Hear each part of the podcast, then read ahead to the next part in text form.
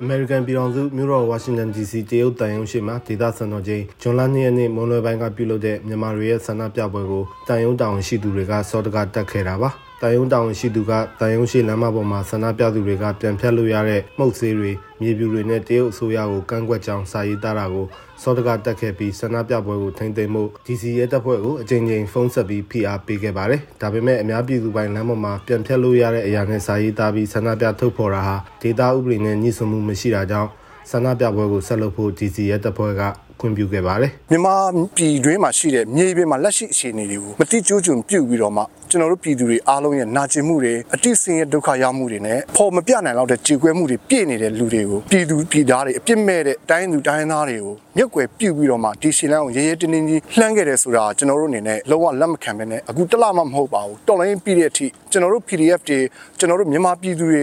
မြို့သားညီညွတ်ရေးအစိုးရဘက်ကနေမ EAO တွေဘက်ကနေမရက်တီသွားသေးဘူးကျွန်တော်တို့အနေနဲ့ဆက်လက်ပြီးတော့ဆန္ဒပြထုတ်ဖော်သွားမှာပါ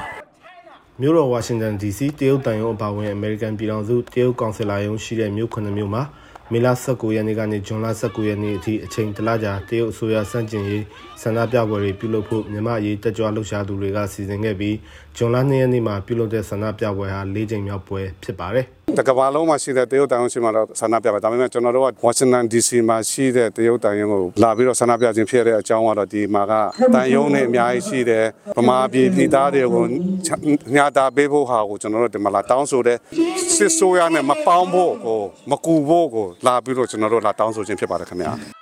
ဦးနေဝင်လက်ထက်ကလေးကနိုင်ငံပိုင်ပစ္စည်းတွေကိုအလွဲသုံးစားလုပ်တာနောက်ပိုင်းစစ်ဗိုလ်ချုပ်တွေအဆက်ဆက်အလွဲသုံးစားလုပ်တာပြည်သူတွေစင်ရဲရင်းနဲ့ရောက်နေတာကိုထပ်မံအခွင့်အရေးယူဖို့စစ်တပ်ကတရုတ်အစိုးရနဲ့ပူးပေါင်းတာဒီအချက်တွေကိုလက်မခံနိုင်တာကြောင့်တည်တဲ့အထိနိုင်ငံရေးဆက်လုပ်သွားမယ်လို့88မျိုးဆက်ဓာတုဗေဒပညာရှင်တယောက်ကပြောပါတယ်96ကနေစပြီးတော့တခြားလုံးကျွန်တော်ဆန္ဒပြလာခဲ့ရတယ်အဲ့ဒါတွေကပြောလို့ရှိရင်တော့ရှည်သွားမှာပေါ့လေ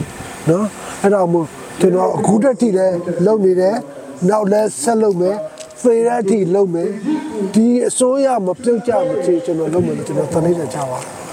မေလ2ရက်နေ့ကနေပြည်တော်မှာတရုတ်နိုင်ငံသားရေးဝန်ကြီးနဲ့စစ်ကောင်ဆောင်တွေ့ဆုံပြီးနောက်တရုတ်ရဲ့တိုက်တွန်းချက်အရမေလ3ရက်နေ့မှာနိုင်ငံရေးအကျဉ်းသားတချို့ကိုစစ်ကောင်စီကပြန်လွှတ်ပေးခဲ့ပါတယ်။တရုတ်နိုင်ငံသားရေးဝန်ကြီးမလာခင်ဧပြီ16ရက်နေ့ကတရုတ်ကွန်မြူနစ်ပါတီနိုင်ငံတကာဆက်ဆံရေးညွှန်ချုပ်ဘန်ရှူပင်းဟာအာနာရှင်ဟောင်းဦးတန်းရွှေတမရဟောင်းဦးသိန်းစိန်တို့နဲ့တွေ့ဆုံခဲ့ပါသေးတယ်။ ဒီဆက်ဆက်ဖြစ်စဉ်တွေကြောင့်မြန်မာအရေးမှာတရုတ်ကပေါ်ပေါ်တင်တင်ပါဝင်လာတဲ့အနေအထားဖြစ်ပြီးစစ်ကောင်စီကိုရွေးကောက်ပွဲလမ်းကြောင်းပေါ်တင်ဖို့နဲ့မြန်မာနိုင်ငံရေးပေါ်ချဲလှယ်ဖို့ကြိုးစားလာတာဖြစ်တယ်လို့နိုင်ငံရေးကျွမ်းကျင်သူတွေကသုံးသပ်ပါတယ်။အာနာသိန်းစာကာလမှာတရုတ်နိုင်ငံကဘယ်ဘက်ကမှမပါခဲ့ပဲအခြေအနေစောင့်ကြည့်နေခဲ့ပြီးစစ်ကောင်စီဘက်ကအရေးနှိမ့်လာချိန်မှာအခုလိုဆောင်ရွက်ချက်တွေပြုလုပ်လာတာဖြစ်ပါတယ်။ကျွန်တော်တုဒ္ဒချမ်းသာပါ။